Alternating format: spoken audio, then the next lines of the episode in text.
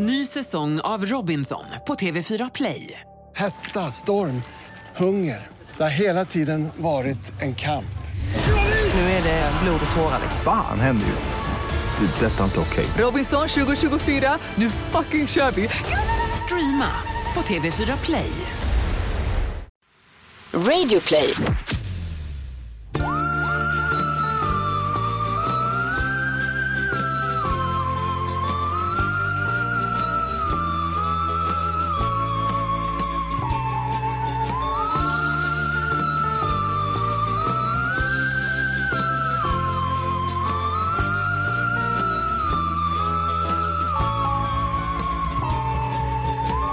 Sådär. Eh, hej och välkomna till Mord mot Är du med? mord. Ja, hej! En krimpodcast. som, som är lite Som är lite förvirrad. osynkad. Som vanligt. At the moment. eller, eller alltid kanske. Eventuellt alltid, men eh, dagens tekniska utmaningar hjälper inte. Nej, så är det verkligen. Men vi kämpar på. Vi kämpar på. Eh, vi kämpar verkligen på. Du kämpar också på med att helrenovera din lägenhet på egen hand. Verkligen, det suger. Det enda du gör är att måla hela dagarna. Det är faktiskt helt sjukt. Men det är också det som är mysigt. Vet du var jag sitter nu? Berätta. Jag sitter i mitt barns rum. Och poddar. I en fåtölj som jag satt in här. Så att, åh, Anna. Jag blev rörd Och så nu. tittar jag, jag, jag vet, vi har monterat upp hennes skötbord. Alltså, eh, jag, skickade ju, jag skickade ju bild på det till dig. Japp. Eh, så att du vet ju hur det ser ut. Eh, nej, men nu börjar det liksom kännas, eh, nu börjar, jag känner verkligen det där som, jag, jag liksom vill boa åt henne. Så känner jag. Det är så jävla mysigt. Det är enormt väldigt jävla mysigt mysigt. Eh, har du ställt in, är det, tänker du att du kommer sitta i den fåtöljen och liksom amma? Alltså jag har ju en förhoppning om att jag, att jag ska kunna amma. Jag vill gärna göra det. Ja. Ja. Men det verkar, vara, det verkar inte vara helt lätt för alla. Nej, det är ju Ehm, så. Men jag hoppas att jag kan göra det. Och då tänker jag att jag kan sitta här. Du skickade också bild till mig och sa, här kan du byta blöjor på mitt barn. Ja, jag skickade det. Jag skickade och att en jag, sån bild till dig. så, men du, du sa att du var bra, för jag skickade också en sån bild till Lovisa som är en min andra bästa kompis. Och, ehm, och hon sa Ah. så här, för det är precis det jag ser fram emot. Du tog det lite bättre än vad hon gjorde. jag bara så här, japp, jag, alltså i min drömvärld flyttar jag ju in och blir barnflickan. Ja, men jag hoppas det. Jag sover ihopkurad på skötbordet. Men du, jag tänker att du kan sova i hennes barnsäng, för vi ska ju ha en sån här crib inne i vårt rum till att börja med. Så då kan du sova i hennes barnsäng. Fy fan vad Så det kommer bli toppen. stelt ändå. När jag kommer och lyfter upp dig på morgonen ur sängen. Du är förvirrad, försöker amma mig.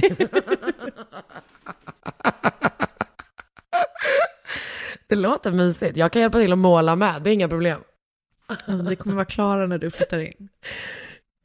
Okej, bra. Bra, för jag är bättre på att byta blöjor än på att måla om jag ska vara helt ärlig. Det är bra. Jag är inte så bra på att måla heller. Det får jag också höra när jag har gjort någonting fel. Av min chef här hemma. Nej. Åh, nej. Men, du är, men det känns som att ni, har, att ni har omväxlande chefskap. För att du också chefar över honom. Det är, väl- det är ju helt enkelt att ni har en vanlig relation. Jag tänkte precis säga det. Jag tror att det är det bästa man kan ha i en relation, att man har omväxlande chefskap. Det är så trist när det bara är en som är chef hela tiden. Ja, verkligen. Men vi, vi, vi har, jag har upptäckt det att vi gillar att vara liksom, vi gillar att, och det, är, inte- det är inte så trevligt att just med den här målningen, för jag har ju varit så himla anti den, Aha, ja. att vi ska göra det själva alltså, inte eh, men och så då började Oskar komma, du vet han skulle ge mig så tips och feedback hur jag målade. Det blir du glad för va? Vilket då får mig också att vilja ge extremt mycket feedback. bara så här, kom inte till mig när jag gör någonting för din skull och sen säger du att jag är dålig på det. Alltså på riktigt, det funkar inte. Men det har också lett till att jag väldigt gärna vill ge mycket feedback till Alltså väldigt gärna. hur, kan den, eh, hur kan den feedbacken låta? typ, kolla vad du har gjort här. Så den är inte, alltså när han har gjort någonting fel. Eller någonting dåligt. Du bara står och pekar länge i tystnad. typ så. Jag, jag, för, vår, för, för vår relations fortlevnad så hoppas jag att vi är snart klara med den här målningen. Japp. Typ så. Och men er, er relation kommer blomstra sen till lagom till när jag flyttar in. Exakt. Du kommer bara få skörda frukten av det här sen. Vad är det vi har? Är det en trea? Din trea. En, en trea för fyra? Nej, vi kommer ju vara en trea för tre och en halv. Ja, vi, För att bebisen är en Precis. halva. Om inte, och om inte Marcus kommer med, för då blir det en trea för fyra och en halv. Ja, nej men det är för många. Marcus får vara kvar i Årsta tror jag. Okej. Okej. Alltså, vi är ju eh, i en kompis hus nu och har varit ett tag och man känner typ att man börjar bli lite så här eh, förvildad. Att man inte riktigt Mm. vet, alltså vi har ju du vet knappt sett en enda person. Vi handlade för liksom allting så att vi inte skulle behöva åka någonstans utan att vara helt isolerade liksom. Mm. Eh, och ehm, vi åkte också hit ganska mycket för att Marcus har mått ganska dåligt igen. Han hade en så utmattningsdepression förra året som eh, jag vet inte vet om jag har pratat om i våran podd. Men Marcus pratar massa om i sin podd om man är intresserad av hans psykiska Jag hälsa. tror att den har varit på tapeten här också. Men så nu har han mått så jävla dåligt igen, så nu åkte vi hit. Och det är så himla skoj att se, du vet, han blir en sån liten jävel när han mår bra och är här ute. Att han bara gör lite Så konstiga... härligt ju. Jo, men, ja absolut väldigt härligt, det gör mig väldigt glad. Men du vet att det kommer fram en sån, liten sån, vad heter han, Dennis, Dennis the Menace. Alltså, Dennis the Menace, Ja. okej. och, men, och det är i kombination med att vi liksom allmänt är nästan. ja, men det kommer nog med att vi allmänt är förvildade. Att man bara, du vet, man bara gör någon konstig grej. Ja, jag fattar. Och igår då så Ni kommer vi, aldrig kunna flytta tillbaka till stan. vi kommer nu snart, det är verkligen, det är dags nu. Eh, men vi, vi satt igår med, med Sanna, som vars hus det här är, eh, och var liksom inne på, du vet så, det sista vinet. Och jag och Marcus hade båda två druckit upp våra, våra glas vin, men Sanna hade en liten skvätt kvar. Du vet, det, sen är det torrt på vin i hela huset liksom. Nej. Så sitter vi bara typ vid köksbordet och så pratar eller kollar på någon grej eller whatever. Och eh, då tar Marcus, alltså, vet, jag bara ser honom i så ögonvrån luta Han bara, sig framåt liksom. nej, men, nej, nej. Det, det hade jag, alltså det hade jag förstått mer, för så hade han gjort mot mitt vin tidigare nämligen. Men då bara lutar han sig fram mot saltkaret, eh, plockar upp en nypa och slänger det i Sannas vin. nej. Och Sanna bara, vad gör du? Och då säger han så här, jag bara saltar slatten. Just det, det begreppet. Exakt! Vad, vad menar du? Det var skoj bara för att han var helt liksom omedveten själv varför det här blev så. Det var bara att han fick för sig att han skulle salta slatten. Och Sanna ville, fick inte liksom, det var ju skitäckligt sen. Det var ju liksom det enda som det hände, det var väl om han var avundsjuk. Nej det var rött. Eh, jag vet inte om han var avundsjuk på att hon hade vin kvar, eller vad grejen var. Antagligen. Men det känns ändå som att, vi hade, att salt och rödvin passar bättre än salt och vitvin. om man får välja ja. Ja. Vilket Sanna tydligen inte det fick. påminner mig lite om ehm, eh, när min syster skulle ge mig ett glas Coca-Cola och hon hade hällt upp eh, olivspad i colaglaset. Nej, Bara för att jävlas. Det är det äckligaste jag har druckit i hela mitt liv. Jag undrar om jag har pratat om det tidigare i podden. För jag, alltså, eh, det, det, Det är ju fortfarande äckligt. trauma. Absolut. Också ett väldigt bra eh, tips om man vill jävlas med ett småsyskon. Verkligen. Eh, Mar- Marcus, har- en annan, ett annat exempel på att Marcus har blivit konstig av att vara på landet är att han har börjat dricka. Jag gör, eh, alltså jag lägger typ in lite olika saker typ bara sån 1, 2, 3 ättika-spad. Eh, för att jag har för mycket tid uppenbarligen. Eh, Marcus har alltså börjat dricka det spadet. Då är det något man eh, behöver, tror jag. Alltså Eller är han man, gravid? eh, Det kanske han är. Man, be- man vet vad jag tror att man behöver? Man behöver struktur. Mm. eh, så att det är är intressant här på landet. Vad härligt. Men, Men nu, nu åker ska vi åka åka till tillbaka. stan imorgon. Ja, och snart så eh, ses du och jag igen och det längtar jag efter jättemycket. Det ska bli härligt. Jag det håller verkligen med. Nu, mm, det kommer bli härligt. Ehm, Eller du sa inte det. Ja. Det var jag som sa att det blev härligt och sen sa jag att jag håller verkligen med mig själv. Men jag, men jag så? sa att jag längtar. Eller? Ja, du sa att du längtade. Det var roligt med jag bara, det ska bli härligt. Ja, jag håller verkligen med. Man håller är verkligen med mig själv. Galen. Eventuellt båda två. Ja. Det, kan, det kan så vara. Det kan vara Du, ehm, har du typ kollat på någonting? Har du någonting du vill eh, tipsa om? Uh, Jag har börjat titta på det här nya Innocence Files på um, Netflix. Just Eh, det. Jag har inte så bra och- koll, kan du berätta? Ja men det är ju, eh, det är ju, eh, alltså jag undrar var jag känner igen honom ifrån och det är konstigt att jag inte har googlat eh, det. Men det är någon som heter Barry Check. Känner, låter det namnet Mhm. bekant för dig? Nej. De har, han och någon annan advokat har något som heter The Innocence Project. Ja, men det Jo, känner man ju det är till. väl- Det kanske är, är det Making a Murder? Alltså Innocence Project har ju, är ju typ så här, de finns ju på massa olika ställen tror jag. Och de är bland Jo, jo, annat precis. med Serial, eller hur? Kanske det Men jag vet inte, men jag vet inte om honom Det här är de som har grundat det som jag förstår det. Jag, för jag känner nämligen igen den här mannen.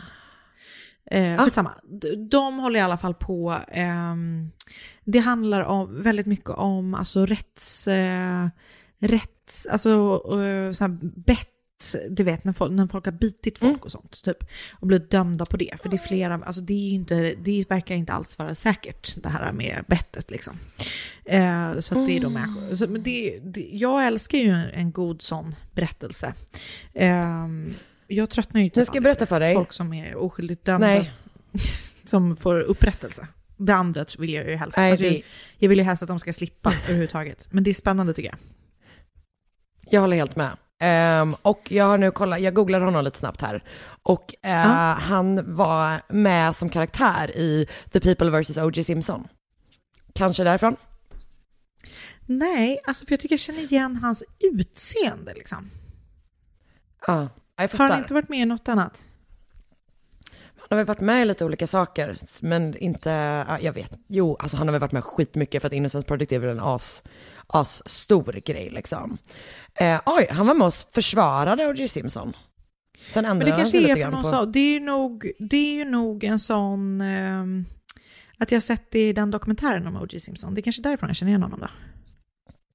Mm, kanske. Alltså inte spel, inte spel, det finns Nej, men också en dokumentär.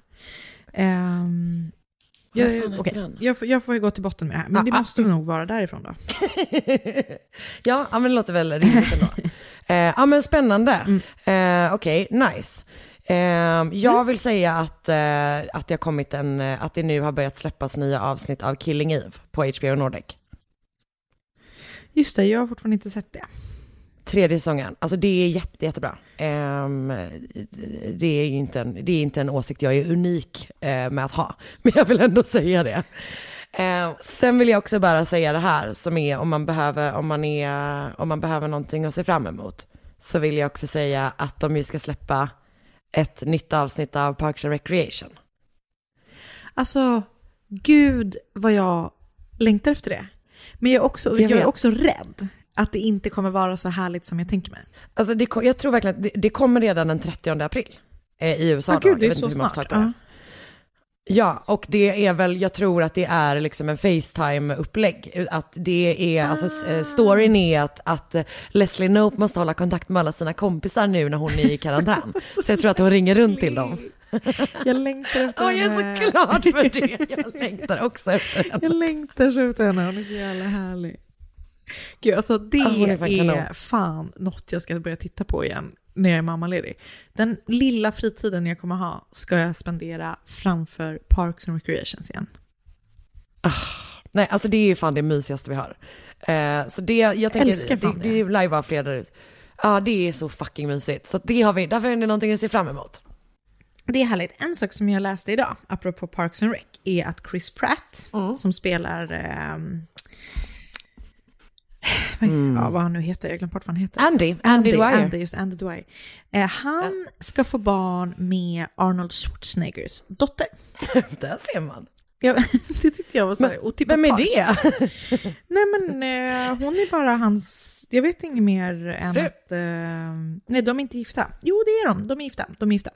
Eh, jag vet inget mer än att, att de är ihop. Jag tror inte hon, eh, jag tror inte hon, jag tror liksom inte, jag vet inte vad hon gör mer än att vara hans... Hon är inte skådis Nej. liksom. Nej, inte som jag Nej. förstår det. Nej. Men Ah, nej, just det. För han gjorde, men han, han gjorde precis, nu är det bara att vi skvallrar om Chris Pratt.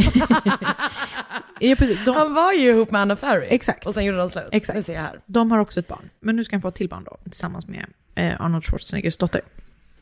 Spännande. Mm, tyckte jag var lite intressant. Verkligen. Mm, inte så true crime-relaterat, men ändå. men ändå. Men, men du, vänta. Eh, jag tror att jag kan eh, ehm, göra en true crime-koppling åt det om du vill. Ja. Ehm, för att hon har släppt en bok som Aha. heter The Gift of Forgiveness, Inspiring Stories from Those Who Have over Overcome the Unforgivable. Och det är a stories, a compilation of stories of forgiveness, som bland annat innehåller historier om eh, Elizabeth Smart Okej. och eh, Tanya Brown, sister of Ann, eh, Nicole Brown Simpson. All right. Intressant. Så... eh, Där fick jag den. Ja, Tack. ja, ja, vi löste det. Vi löste en koppling. Så vi inte behöver byta kategori på iTunes. Exakt. Väldigt bra. Eh, och se- sen också innan vi börjar så vill jag också, jag vet att vi har pratat om det här innan, men jag vill återigen eh, slå ett slag för, att, eh, för podden Verified. För att Ja. nu har sista avsnittet kommit. Just det, det har jag inte lyssnat på än. Kul. Det är ju eh, enormt starkt. En eh, fruktansvärd men typ också ja, väldigt stark historia. Ehm, så att lyssna på den. Den är bra. Jag har problem nu att jag inte har en naturlig tid när jag lyssnar på poddar. Nej, det blir ju så när man, när man är hemma väldigt mycket och um, liksom, eh, inte, inte rör sig mellan två olika platser tycker jag. Jag vet, det gör mig ledsen. Jag har också Istället börjat lyssna väldigt mycket på ljudbok, vilket gör att jag lyssnar väldigt lite på podd. Just det. Ja. Ah, ja, men vi hämtar igen det. men först kan vi börja med att göra en podd. Vi ska ju göra våra egna podd, ja. Just det. Just, just det, ja. bra. Ja, vi, vi kör nu då. Mm, mm, hej. hej. Ny säsong av Robinson på TV4 Play. Hetta, storm, hunger. Det har hela tiden varit en kamp. Nu är det blod och tårar. liksom. Fan händer just nu. Det. är Detta är inte okej. Robinson 2024, nu fucking kör vi! Streama på TV4 Play. Ett poddtips från Podplay. I fallen jag aldrig glömmer djupdyker Hasse Aro i arbetet bakom några av Sveriges mest uppseendeväckande brottsutredningar. Går vi in med hemlig telefonavlyssning och, och då upplever vi att vi får en total förändring av hans beteende. Vad är det som händer nu? Vem är det som läcker? Och så säger han att jag är kriminell, jag har varit kriminell i hela mitt liv men att mörda ett barn, där går min gräns. Nya säsongen av Fallen jag aldrig glömmer på Podplay.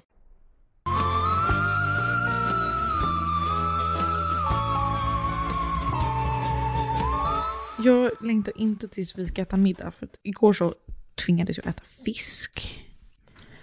Och så ska vi äta fiskkväll igen. Men Anna, du kan inte vara en vuxen person som säger att du tvingades att äta fisk. Jag gillar i och för sig fisk, men jag tycker det är lite mycket med två dagar i rad. det var låter bara så dumt. Att du tvingades att äta fisk. Åh, hjärtat. Men i Okej sitt då. hem tycker jag man ska få äta vad man vill. Jag tycker verkligen det. Det tycker inte Oskar. Nej, det här hade jag och Marcus ett bråk om när han la gurka på min ny, nyligt lagade fina rätt till oss. Eh, var det det där var exakt hans case. Men jag hade lagat typ så här eh, gnocchi med eh, salviasmör och lite så här Det kan svartkål och man grejer. inte ha gurka på. Marcus, Nej, han la det, han la det uppe på. Fast äh, Anna, grejen är att det du ska veta är att han hade exakt samma case som du precis hade när du tvingades att äta fisk. Man ska få välja vad man själv vill äta i sitt eget hem. Så att Ja, du är tyvärr på Marcus-sidan. Du kan lägga ett, ett, ett täcke av gurka på fisken. Okej. Ja, kanske. Jag ska det. Ja. Och med de orden, Okej, då börjar vi. Um, Okej, så att förra veckan så gjorde jag eh, ju ett olöst fall, vilket jag ju egentligen hatar i och med att jag får panik för att jag inte vet vad som har hänt och det gör mig galen. Men när Ja. jag läste på om det fallet så hamnade jag i ett svart hål med olösta fall. Och det ena Perfekt. kändes mer spännande. det ena kändes liksom så här, what? What? What? Så jag kunde inte hålla mig borta. Så att även den här veckan blir det ett olöst fall. Alltså det jag, jag vill ju vara tydlig med att det inte gör mig, jag tycker ju att det är spännande. Eh, och jag tror typ att vi, vi har många olösta fall att jobba med, för vi har gjort så jävla få.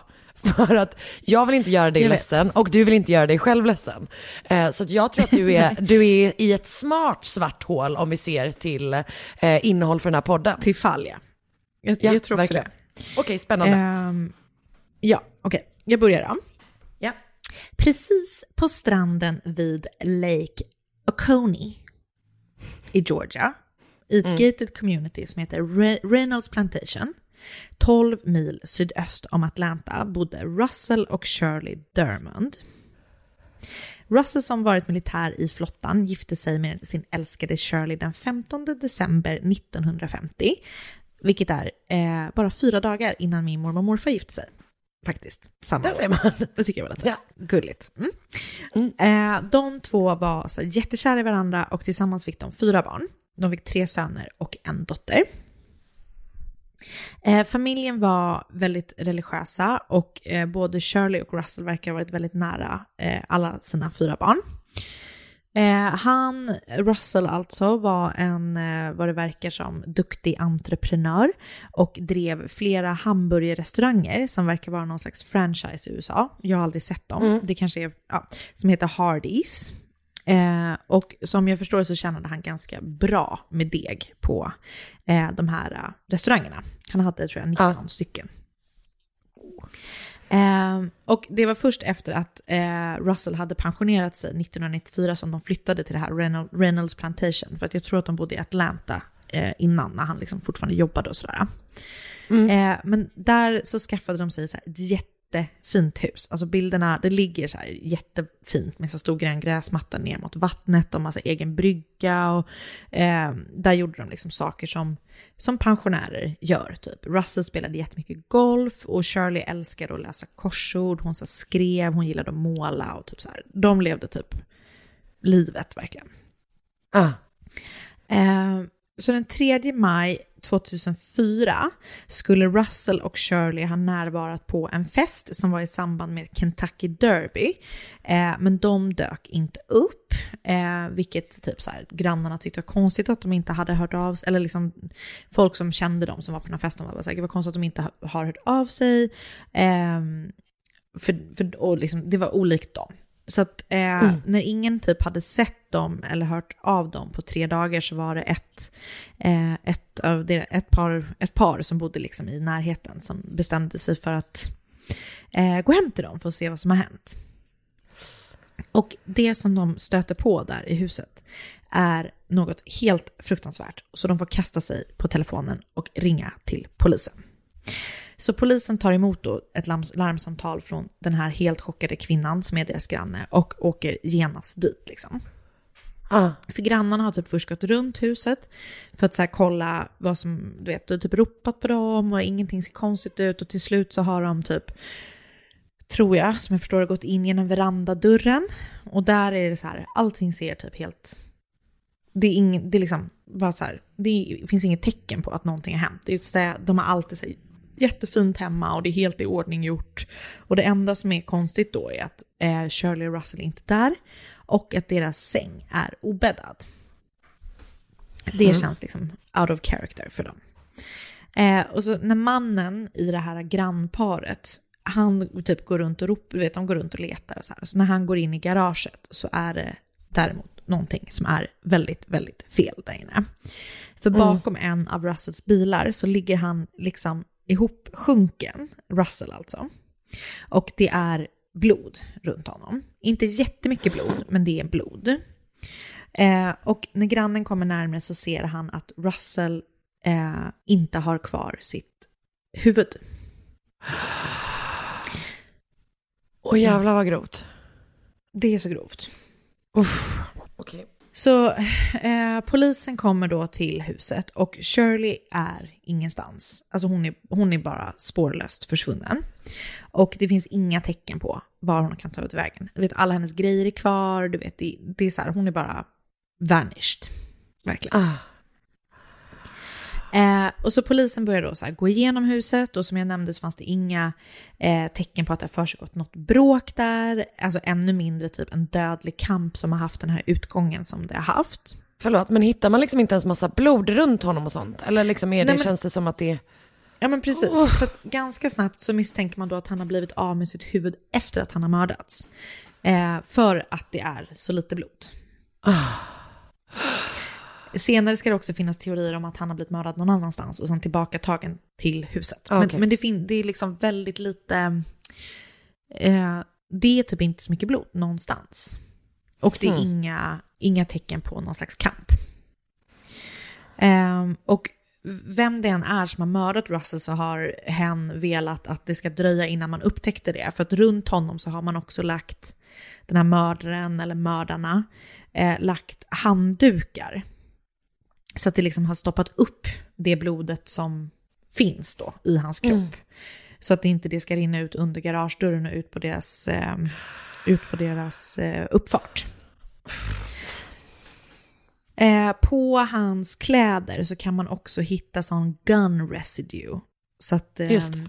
det får också polisen att tro att han har blivit skjuten i huvudet för att han har inga skottskador på kroppen innan han då har blivit av med sitt huvud.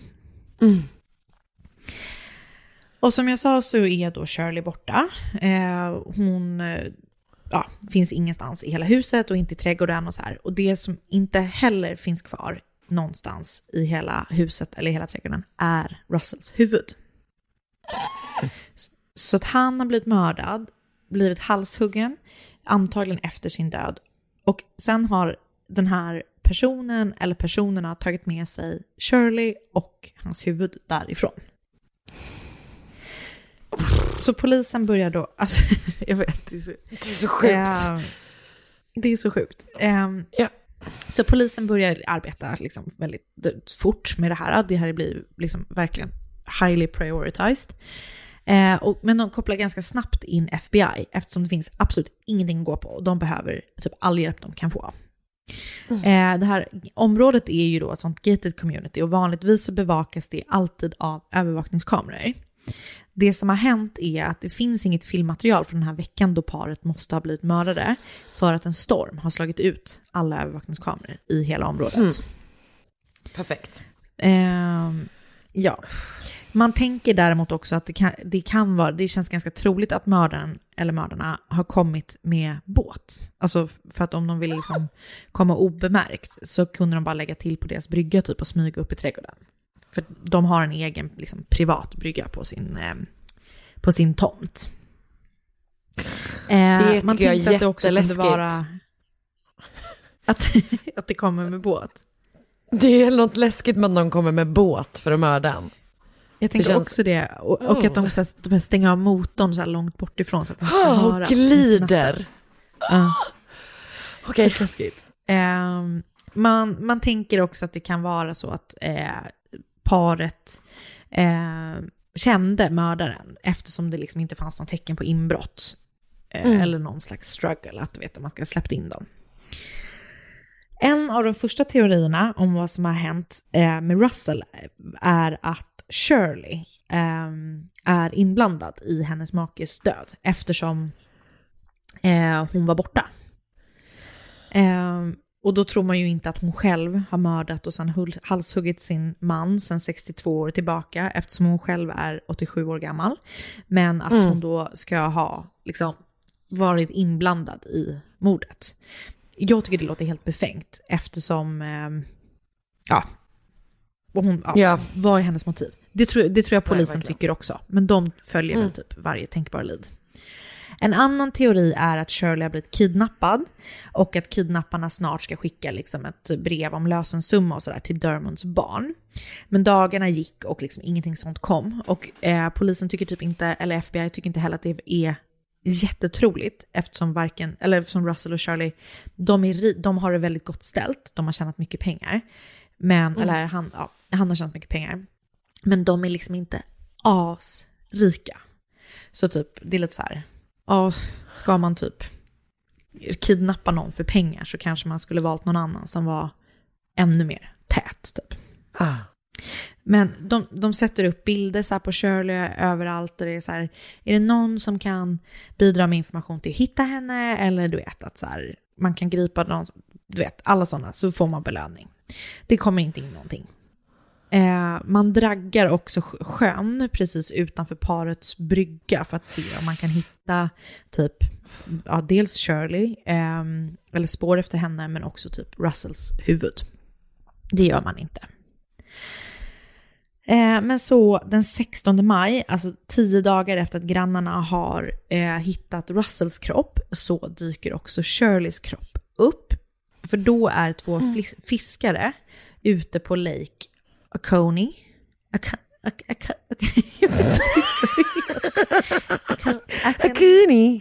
Jag Akuni. Tror att det är det. Och de är ute och fiskar och då eh, stöter de då på hennes kropp som har flyttit upp till ytan.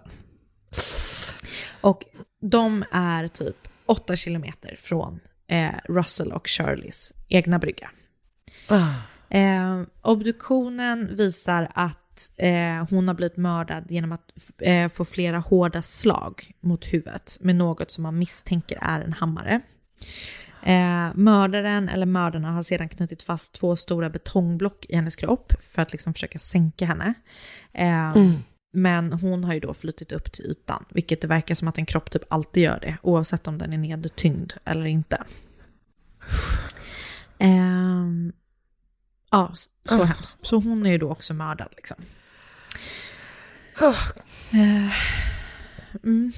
Och eh, det här mordet sätter ju skräck, skräck liksom i hela det här communityt där de bodde. För det var ju verkligen så här, det är inte ett ställe där det är mord som försiggår. Alltså du vet, så här, det är supersafe. Och det är typ bara pensionärer som är så well off, som känner varandra som bor där. Så att det är bara så här, vem kan ha mördat en 88-årig man och en 87-årig kvinna som, liksom, vad man vet i alla fall, inte har några som helst fiender? Det är så jävla Så- sjukt.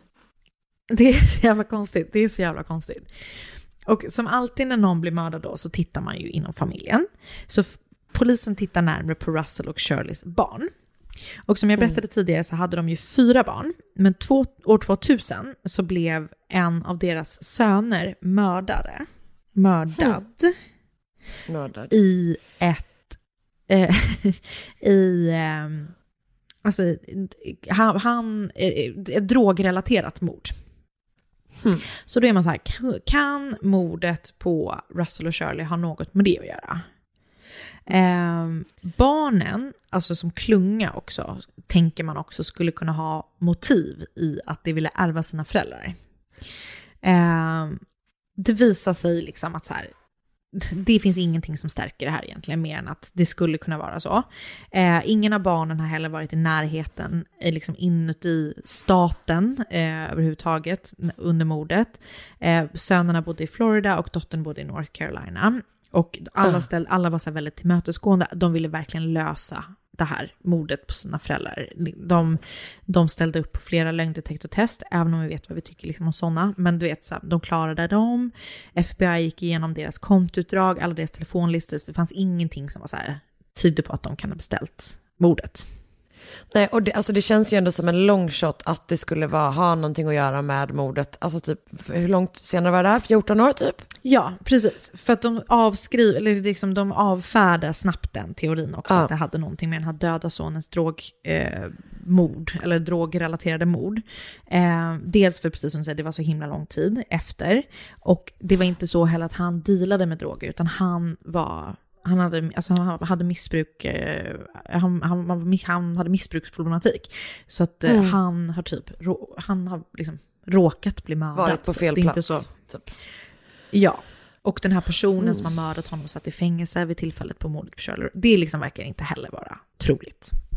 Så barnen blir uteslutna snabbt. Eh, men en teori som levde och kanske fortfarande gör det till en viss del är att maffian var inblandad i mordet. Och det blev en teori för att eh, mordet var av en sån kallblodig karaktär det faktum att Russells huvud aldrig återfanns, vilket man tänkte kunde vara så här tecken på, du vet, eh, man har vunnit, typ, någonting sånt. Och att det inte lämnades ett endaste spår i huset, varken i form av DNA, fingeravtryck, inga, inga som helst spår. Det man tänkte då, eller det man misstänkte var att Russell hade haft business med maffian under tiden som han drev sina restauranger. En teori var för att han, att han använde restaurangerna för att tvätta pengar åt maffian. Det finns ingenting som stärker det heller. Och i en podd som jag lyssnade på, eh, där en man som har varit affiliated with the mob uttalade sig, eh, så sa han att eh, när maffian mördar så mördar de liksom snabbt. Alltså du vet, så här, det är in, ut, ett skott, inte lämna några spår. Det är inte så att de så här, tar med sig kroppsdelar eller kroppar och sånt. De vill liksom inte, han sa typ så här, glöm allt ni har sett i Sopranos. Det är inte typ knappt så att man ens gräver ner kroppen, du vet, utan så här. Ja, Fan vad han, fan vad han han har sett mycket på Sopranos. verkligen. Eh, han, den polisen som ledde den här utredningen trodde inte heller på det här. Alltså du vet så här, de var Förlåt. "Nej, men det är nog inte maffian. Men det var ändå en teori som var.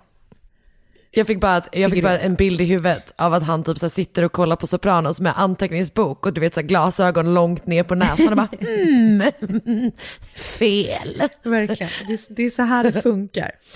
Exakt. Ehm, nej men så att, så att eh, maffian känns inte så trolig.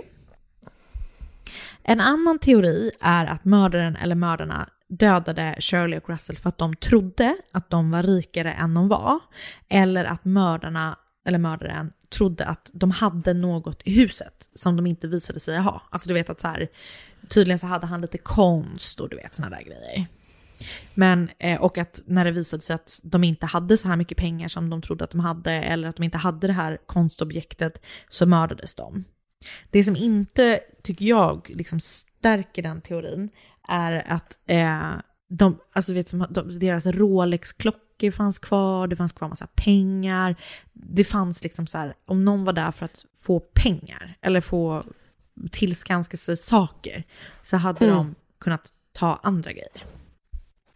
Ja men jag tänker Men också typ det- det här att, att, liksom, att huset, inte, huset var väl typ helt orört. Ja, Eller? exakt.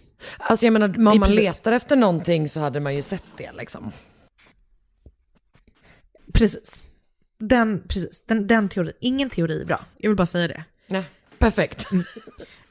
Okej, ja. Eller det kanske är den här då. För att det finns också i den teorin då att det är någon, att det bara är helt random.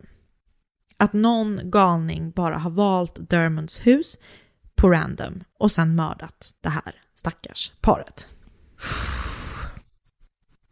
Ja. Kan ju vara det. Alltså för, i, min, i mina öron så låter det ändå bäst just nu av alla de här. Men då är det ju också konstigt att det är någon galning som är sjukt bra på att inte lämna några spår efter sig. Jag vet inte. Exakt.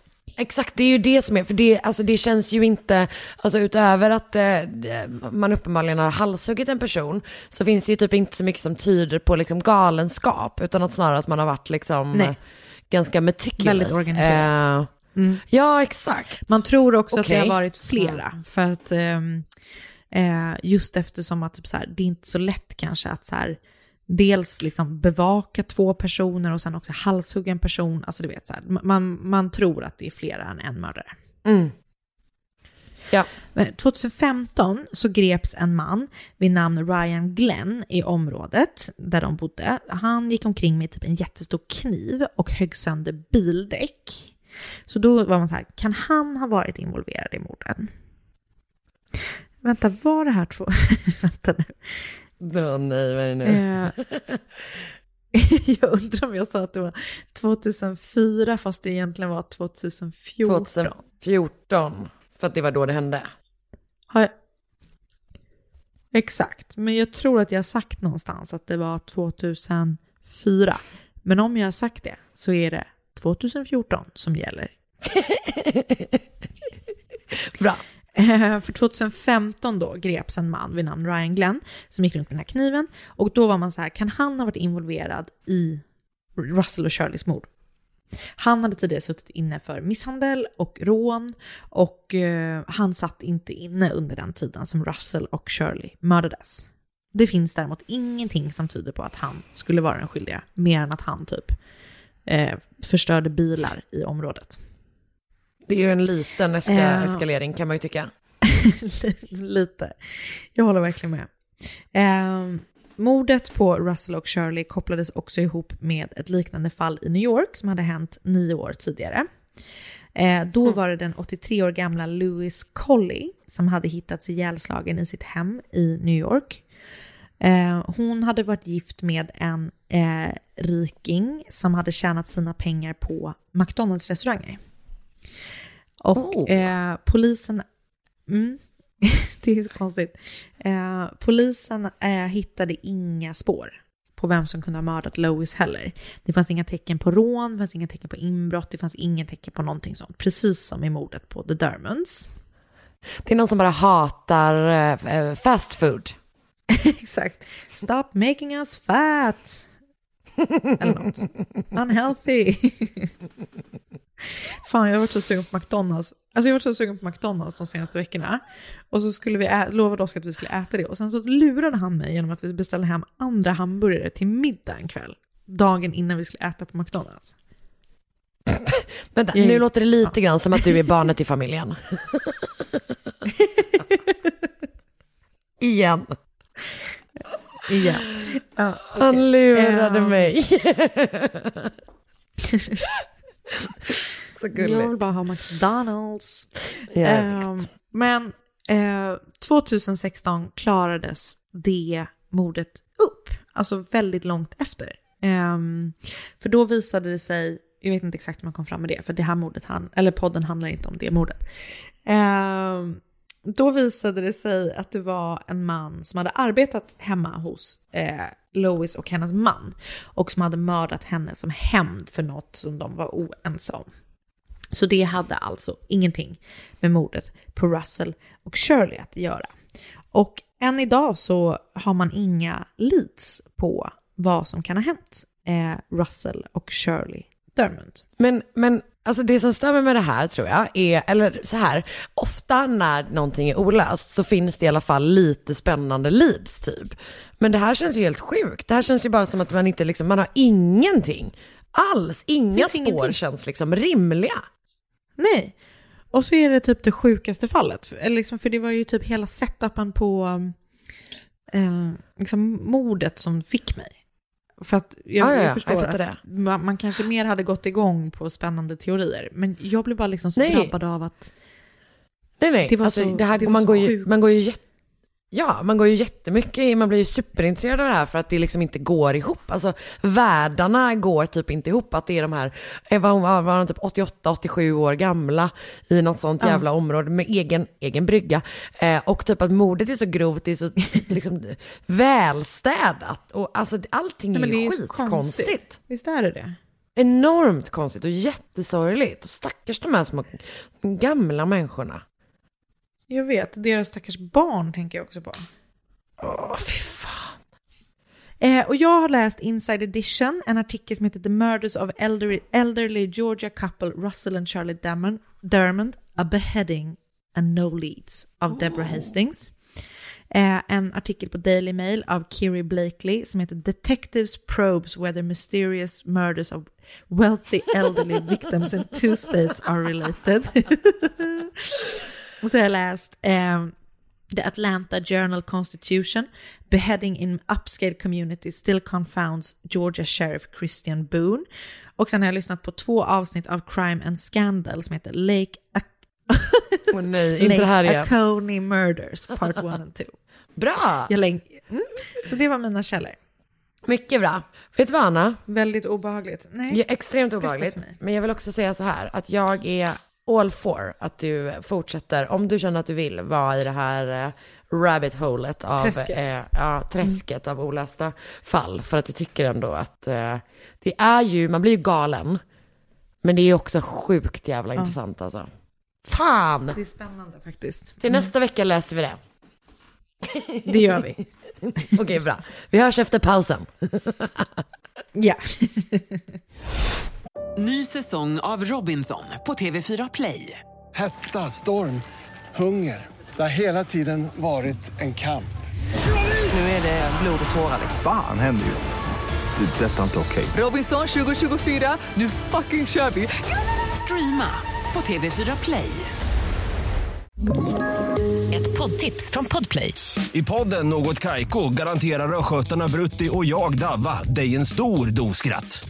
Där följer jag pladask för köttätandet igen. Man är lite som en jävla vampyr. Man har fått lite blodsmak och då måste man ha mer. Udda spaningar, fängslande anekdoter och en och annan arg rant. Jag måste ha mitt kaffe på morgonen för annars är jag ingen trevlig människa. Då är du ingen trevlig människa, punkt. Något Kaiko, hör du på Podplay. Därför är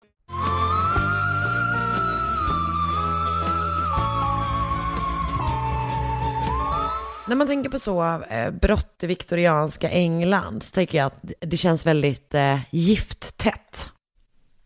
Håller du med? Jag håller verkligen med. Och det känns som att det var väldigt mycket arsenik. Tydligen så införde man någon slags lista på folk som köpte gift typ så här i mitten av 1800-talet för att det var så himla mycket olika. Och folk var också liksom väldigt rädda för att randomly bli förgiftade. Eh, och det berodde då på att man hade haft massa sådana fall. Bland annat hade man haft en, liksom, en samling giftmord i Essex som var väldigt, liksom, eh, som spred väldigt mycket panik. Okej. Men eh, det fanns också en förövare i Brighton som använde sig av Ah. strykninförgiftade chokladbitar för att mörda potentiella offer, eller komma åt potentiella offer. Du vet, Bara helt random personer. Ja, alltså det är lite som en liksom retroversion av du vet de Tylenol-morden. Ja. Alltså fan jag fattar inte, jag fattar inte folk som mördar, jag fattar, alltså, jag fattar ju inte någon. Men det, det är så konstigt det där liksom distansmassmorden typ. Mm, japp, jag vet. Nej, det är omöjligt. Alltså omöjligt. Det måste ju bara vara att man vill Måste- typ det är bara gud. att man vill vara gud typ.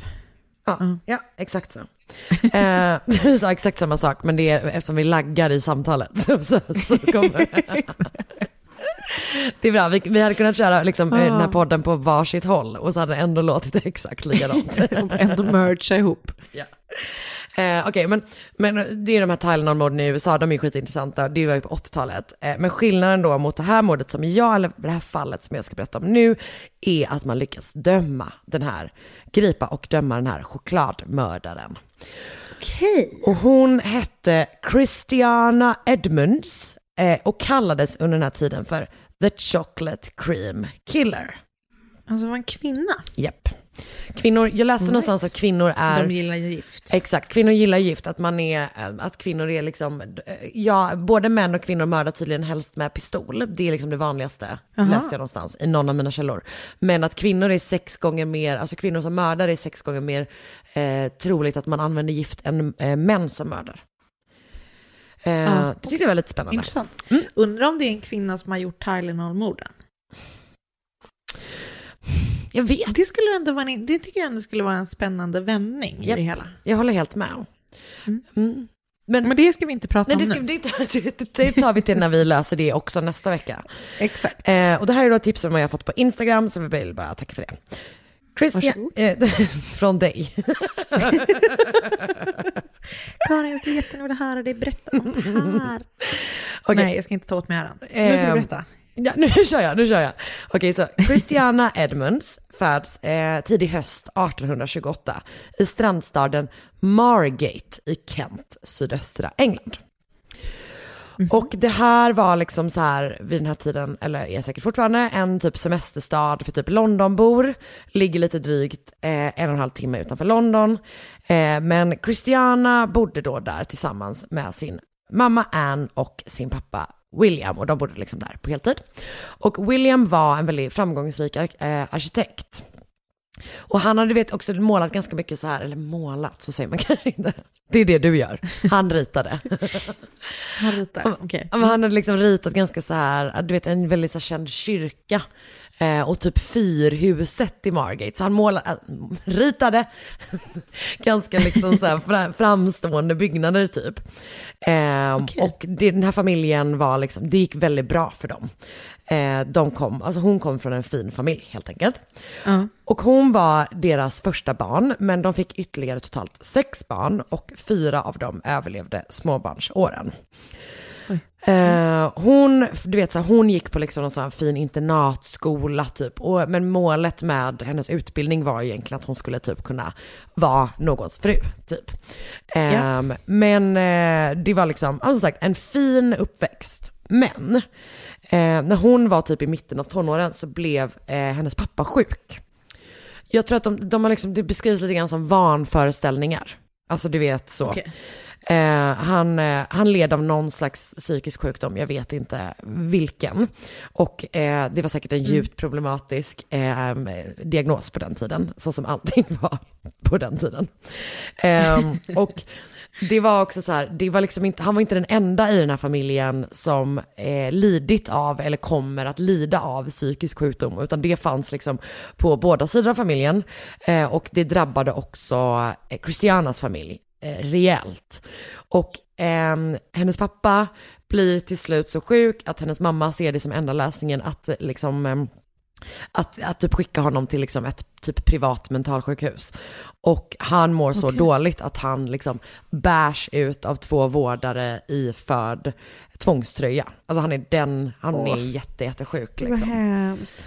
Ja, ehm, och han, han dör ganska kort efter det här och jag vet inte hur det går till. Ehm, men hon, hennes mamma Ann då blir ganska snart änkefru liksom. Änka heter det. Ehm, och hennes bror läggs, en av hennes bröder läggs också ganska snart in på någon annan klinik. En klinik som heter typ så här bla bla bla, bla for idiots. Eh, som sagt, problematiska, jo, problematiska diagnoser. Eh, så han bor på något, liksom, något boende och hennes syster begår självmord. Så det liksom är så här, det är jättemycket psykisk ohälsa i den här familjen. Och det drabbar också Christiana. Eh, för att någon gång när hon är runt 20 år gammal så får hon allas vår favoritdiagnos, hysteri. Ja. Hon är en hysterisk kvinna. Eh, och påbörjar då liksom behandling för det här. Och sen så i mitten av 60-talet, hon bor kvar med sin mamma då. Hon blir liksom inte, eh, hon, hon träffar aldrig någon man utan hon är så spinster. Eh, så när hon, hon flyttar då till, eh, jo, hennes mamma och en av hennes eh, systrar flyttar på 1860-talet till ett super, superfint hus i Brighton. För de är fortfarande liksom välbeställda även fast det har varit jättemycket eh, jättemycket problem i familjen så har de fortfarande pengar liksom. Så de köper något sånt liksom fint hus i Brighton som ju också är en liksom, eh, kuststad. Och där får Christiana en ny läkare som heter Dr. Charles Beard. Vilket jag alltid, jag tyckte det var härligt. Undrar om man kallas för Charlie. Charlie Beard. Och hon blir då jättekär i Dr. Beard. All right. Och det You är... sexy, sexy beast. You sexy bearded beast. eh, man vet liksom inte riktigt vad som händer i den här relationen. Alltså, antingen så var det så att de hade en relation. Att han, han har då en fru. Eh, som heter. Emily Beard. Men antingen så hade de en relation och liksom en kärleksrelation och låg med varandra och så vidare. Som man gör igen eh, när man är otrogen. Eh, Men man kan också vara känslomässigt otrogen. Det kan han också ha varit. De, Det det finns lite så brev, men det verkar otydligt om det är kärleksbrev som bara kommer från henne eller om det också kommer tillbaka. Han är ju också, det är ju liksom inte en hel, du vet jämn match när de ska prata om det här eftersom hon är då en hysterisk kvinna och han är liksom en framgångsrik läkare typ. Nej, precis. Så han säger ju att hon bara är obsessed vid honom typ. Eh, och hon, hon säger att de hade en relation. Liksom. Okej.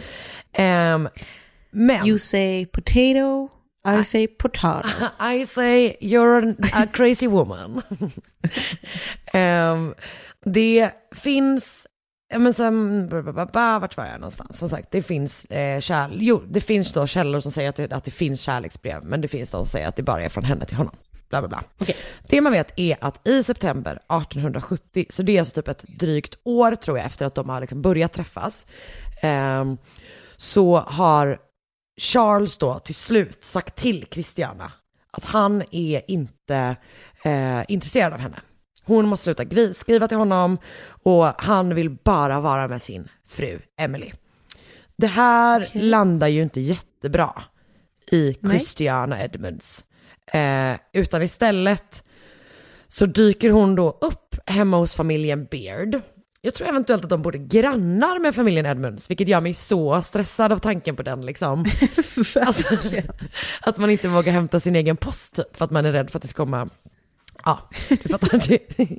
Jag som är rädd för mina grannar i allmänhet fastän de inte har gjort någonting. Så var det här, det tänka adderade stress. Ehm, och det hon gör då är att hon knackar på hemma hos dem och är så här, jag skulle vilja överlämna en present till Emily. jag har köpt en ask chokladpraliner. Och Emily bara, åh men tack snälla typ, börjar käka och blir sjuk liksom, i princip direkt. Hon får liksom kramper. Eh, brutala kramper. Men hon återhämtar sig och överle- överlever. Jaha.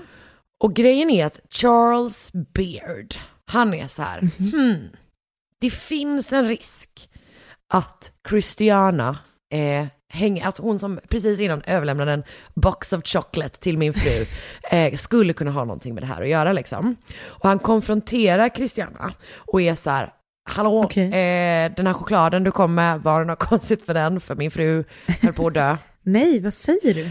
Ja, hon bara, vad menar du typ? Jag ville bara liksom så här göra något snällt för henne så att allting skulle vara bra mellan oss. Där är det väl verkligen ord mot ord. Om inte han vill testa att äta chokladen och kanske själv Ja. dö. Ja, exakt, exakt. Nej, utan han, eh, det som är intressant typ är att han, typ, alltså, jag, tror, jag tänker att han kanske inte köper att hon är oskyldig, men han gör ingenting mer med det. Alltså han går inte till polisen. Nej, okej. Och sen går det också fyra månader till januari 1871 innan han säger till Christiana att hon inte är välkommen hemma hos dem. Man bara, du har verkligen stått upp starkt för din förgiftade fru. Alltså, Verkligen. vad fan. Ehm, men så i, i, sen januari 1871 så har de liksom ingen mer kontakt typ. Och under det kommande året till januari 1872 så ägnar sig då Christiana åt en, sin nyfunna hobby, nämligen att förgifta folk med chokladpraliner. Hon bara, det här var ju lätt ju. ja, nu kör vi på. Eh, men Vad får hon knarket? Eller, det är inte knark, det är gift. Ja, Eller exakt. knark är gift. Precis, det är alltså stryknin då, eh, strychnine, det verkar heta stryknin på svenska. Ehm, det är ett gift som framställs ur eh, ett av dina favoritträd, rävkaketrädet. Just det. Som I du- should have known. Som du tycker är så vackra på våren. Ehm, och det används typ för att bekämpa skadedjur tror jag. Men Okej. det har också typ funnits en del så försök med det i läkemedel. Och det är för att det typ stimulerar nervsystemet. Eh, Men det är jätte, jättelätt att överdosera dem. Och då är det liksom dödligt och det är en vidrig, vidrig död. För att det, det gör att, eh, att man får kramper liksom. Eh, och man krampar fruktansvärt liksom, eh, starkt. Eh, och ofta, alltså sätt att man dör är typ att man kvävs av sin egen kropp på något sätt. Men Fy. Ja, nej men fruktansvärt, jätte, jätte, extremt smärtsam död liksom. Ehm, hon, men jag, hon eh, köper det bland annat genom att säga att hon typ har problem med skadedjur liksom. Och då tror jag typ Okej. att det är råttor, alltså att det är råttgift liksom mer än myror. Sådär liksom. Ehm, Så att det hon gör då är att hon köper chokladpraliner Eh, men från, vad heter det om man gör, om man gör, det är en person som, som äger en, en ch- choklad eller en godisaffär. En pralinist. En pralin.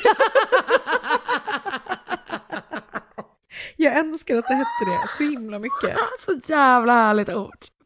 Pralinist. Pralinist. Eh, men man kallar det, short är prallare. Ja, jag han- inte det heter jag det. vet grejen, jag vet inte om han gör, jag vet inte om han är pralinist eller om han bara säljer dem. Okej. Men han Ja, heter i ja. alla fall John Maynard och han äger en godisaffär som heter J.G. Maynards. Och Okej. där ehm, säljer han då helt enkelt eh, vid flera tillfällen chokladpratliner till Christiana. Och under våren 1871 så börjar det rapporteras, vänta, nu, jag, jag har glömt att berätta en sak som jag ska berätta nu, Okej. som är så här, det hon gör är så här. Det här är också märkligt på många olika sätt. Eh, hon doserar då de här chokladbitarna, hon köper chokladbitar, doserar dem med det här giftet, sen säger hon, går hon tillbaka till den affären och är så här, hej, de här, den här chokladen var inte riktigt för mig. Och sen lämnar Nej. hon tillbaka den och då ställer han ut det på hyllorna igen. Nej. Så då har liksom andra kunder köpt hennes avdankade choklad. eh, Som är förgiftad. som är förgiftad och blivit sjuka. Så under våren Men fy. 1871 så börjar det då rapporteras om märkliga liksom, sjukdomsfall runt om i Brighton. Folk Mhm. får konstiga kramper efter att ha ätit godis. Till en början så är inte bara klar, att de har ätit för mycket. det, det, är de, det är också en utredning, de möj, en möjlighet de utreder, men kommer fram till att det är något som är lite konstigt. Ehm, och innan, eh, till en början då så överlever alla. Eh, och det tänker jag gör att man inte kanske typ utreder det lika mycket som man gör när någon faktiskt dör.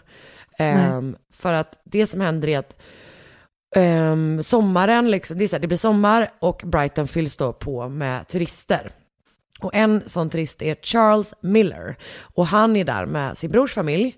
Och den 12 juni eh, 1871 så köper han eh, typ lite choklad då i den här affären. Och delar då den här chokladen med sin fyra år gamla brorson, brorson som heter Sidney Barker. Och båda blir liksom sjuka typ väldigt, väldigt snabbt. Det verkar vara extremt snabbverkande det här giftet. Ehm, men Charles överlever och det gör inte Sidney. Så, ja, jag vet. Det är jätte, jättehemskt. Och då börjar man ju uppenbarligen kolla på det här lite mer noggrant liksom. Ehm, Och man hittar stryknin när man undersöker den här chokladen. Och först blir ju Okej. då John Maynard anklagad förstås. Eh, och under den här utredningen så vittnar också Christiana om att hon har blivit sjuk. Hon och hennes kompisar har blivit sjuka efter att ha ätit choklad från Johns affär. Men eh, till slut så frias han och även fast man då vet att pojken har dött av liksom strykninförgiftning så kan man liksom inte, så säger man en, det, det blir ändå avskrivet som en olycka.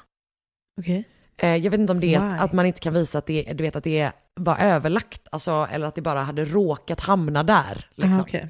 Jag vet inte. Men så det läggs liksom ner. Eh, och efter att det här har lagts ner så skriver Christiana anonyma brev till Sidney Barkers pappa. Där hon bara, ni borde verkligen kolla lite mer på den här Maynard typ. Det är något konstigt med honom.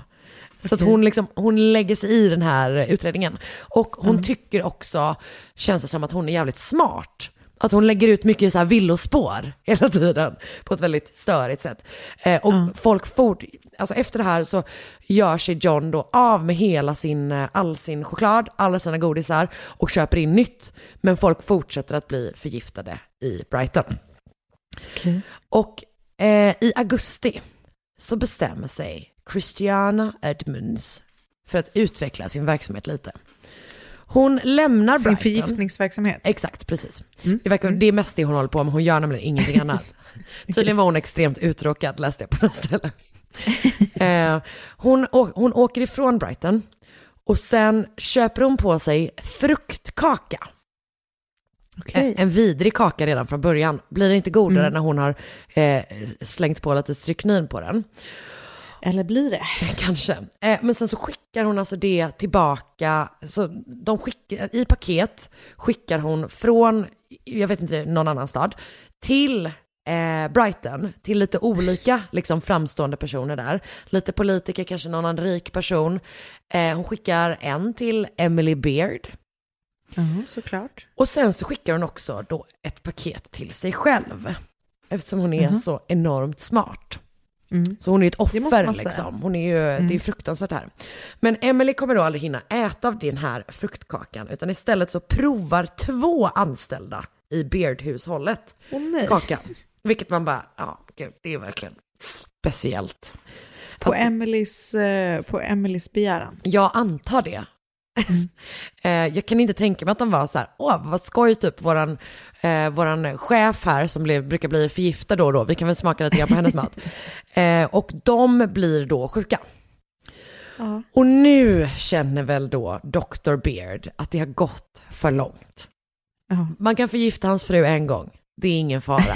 Men Förgift mig once, gånger. shame on me. Förgift mig twice, shame on you. Exakt så, säger han, ropar han från sin veranda till grannhuset. så han går då till polisen och eh, typ direkt ska man matcha Christianas handskrift med, alltså på den här, till den här adresslappen som har skickats med kakan. Ja, så hon var inte så smart som varken, som både du och hon själv trodde. Eh, och rättegången mot Christiana Edmunds blir ju då liksom extremt uppmärksammad lokalt. Eh, och man måste flytta den till London för, på grund av det. Det blir ett spektakel. Och initialt så börjar, alltså när man börjar utredningen så anklagas, det hon anklagas för är då mordförsöket på Emily Beard.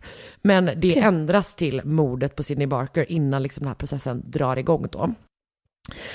Okej, så det här är då vad åklagarna säger har, alltså hon har ägnat sig åt liksom.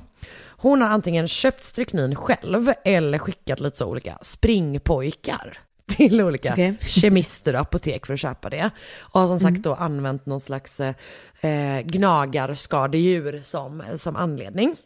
Ja.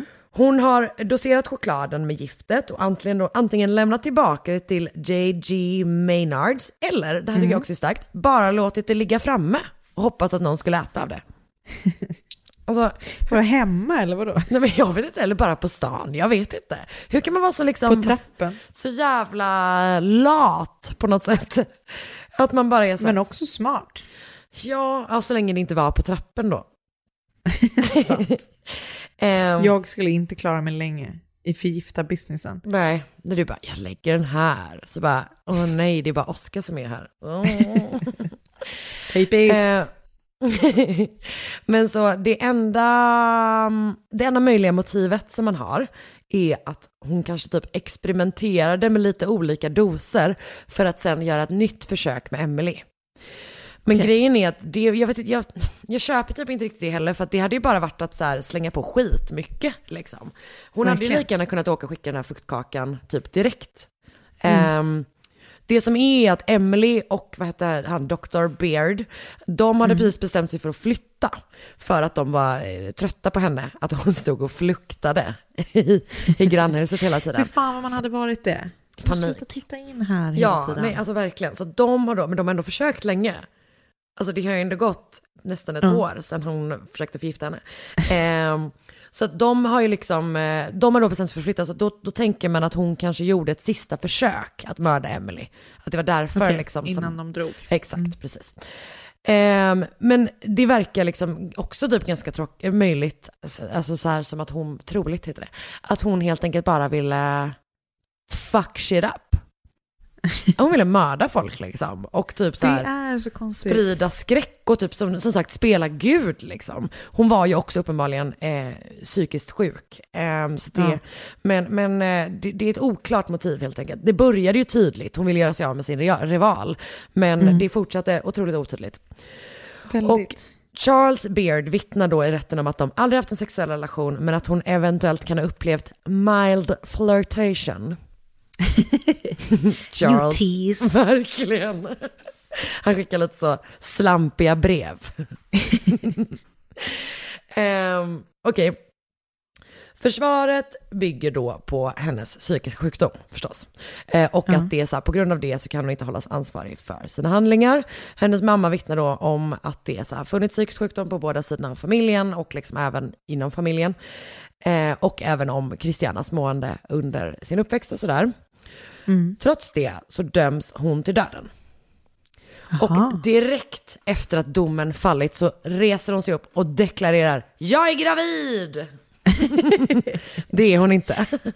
Det skulle jag också dra till med som ett försök. Du Men- måste rädda mitt barn. Men du är ju gravid, hon var inte gravid. Ja, men jag hade gjort det även om Ändå. jag inte var. Just det, bra. Eh, grejen är att hon, trots det, liksom, att hon döms då, så kommer hon ganska snart bli av med den här dödsdomen. För att man, rätten liksom i efterhand på något sätt ändå deklarerar henne not guilty by reason of insanity. Okej. Och i media spekulerar man om att det är på grund av alltså hennes position, alltså hennes samhällsklass helt enkelt. Att hon är Ah, ja, ja. privilegierad, att hon kommer från pengar, att hon kommer från en liksom Mm. framstående familj typ. Eh, men oavsett så kommer hon då till Broadmoor Prison for the Criminally Insane i juli 1872.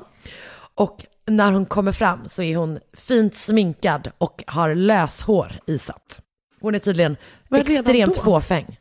Alltså redan, hon har på sig det när hon kommer dit. Har hon liksom klätt upp Jo, jag sig. förstår det, men att, att, eh, att löshår, alltså att extensions var en grej redan då. Men, Ja, nej de såg ut som så Jay Wows i Jersey Shore. Hon hade så vita under. eh, var nej men det känns som att det var dålig kvalitet på löshåret ändå. Att det, typ, det var typ att man satte en fjäder och var så här, oh mitt hår. Ehm, och under tiden på Broadmoor så, så här, hon typ gillar att jävlas med de andra intagna, typ provocera liksom. Hon är lite av en shitstarter. Men när Mm. hon inte håller på och shitstarta så håller hon sig ändå liksom så här, ganska mycket för sig själv. Ingen försöker få Christiana Edmunds frigiven. Och hon överlever också sina familjemedlemmar. Okej. Men den 19 september 1907 så dör hon och då har hon typ varit sjuk ganska länge och haft så här, alltså både liksom fysiska krämpor men också eh, blivit senildement. Hon blev ändå 78 år gammal, vilket känns extremt gammalt för den tiden. verkligen. Verkligen. Eh, och jag har då läst en väldigt bra genomgång av det här fallet från Berkshires Record Offices. Okej. Det, jag tror att det är det countyt där eh, Broadmoor ligger. Så att de har skrivit om henne Mm. för att hon satt där så länge. Och det är liksom en levnadsbeskrivning, den var väldigt bra. Och sen har jag läst owlcation.coms artikel med rubriken Christiana Edmunds, Victorian Poisoner. Och även på peoplepill.com och förstås Wikipedia. Okej. Tack snälla. Visst sjukt? Läskigt. Ja, väldigt sjukt. Alltså, det är ju något med att förgifta med choklad. Så ont. Det är det. Det är så ont för det är så, det är så gott men så så, gott. farligt. Jag vet, verkligen så. Du- Det är fruktansvärt. Tack snälla, det var väldigt spännande. Eh, Eh, då säger vi väl tack för den här veckan. Det gör vi absolut. Och sen så säger vi också att om man vill köpa merch så är podstore.se Ja. eh, kan man klicka sig in på våra grejer där. Vi har adderat en tygpåse. Som är så fin. Den är väldigt bra. Och jag måste säga Anna, att du hade så enormt rätt om den här hoodien. Den är fruktansvärt skön. Alltså visst hade jag det. Eh, Den är så mjuk. Men jag dricker också, den är så mjuk, men jag dricker också allt mitt kaffe ur mord mot mord-muggen som känns otroligt trevlig. Ehm, så att jag, Jag älskar ser fram emot muggar. nu. Ah, de är så bra. Det är så, så bra. Eh, så att ehm, om ni vill vara där inne och stötta oss genom att köpa super, super fin och härlig merch så blir vi jätte, jätteglada. Min dröm är ju att vi ska Det vi. se någon på stan. Men, ja gud. Jag skulle bli generad det då, tror jag. Jag skulle bli så... Jag skulle bli så... Ja. Jag- Sätt på er era alltså- t-shirtar och går ut. Om ni bor i Stockholmsområdet. Även annars. Nej, nej, håller inne, håller inne. Just det, just det. Just det. det är Ja. coronatider. Håller in. Efter corona Sorry. är, är över så vill vi ha en catwalk runt i äh, svenska i, i Sverige eh, med olika mord mot mord Ja. Ser vi fram emot. Vi ser också fram emot att prata mer med dig Anna nästa vecka. Längtar jag till redan. Det gör jag med. Hej då! Hej, hej! Ny säsong av Robinson på TV4 Play. Hetta, storm, hunger. Det har hela tiden varit en kamp. Nu är det blod och tårar. Fan händer just nu. Det. Detta är inte okej. Robinson 2024, nu fucking kör vi! Streama på TV4 Play.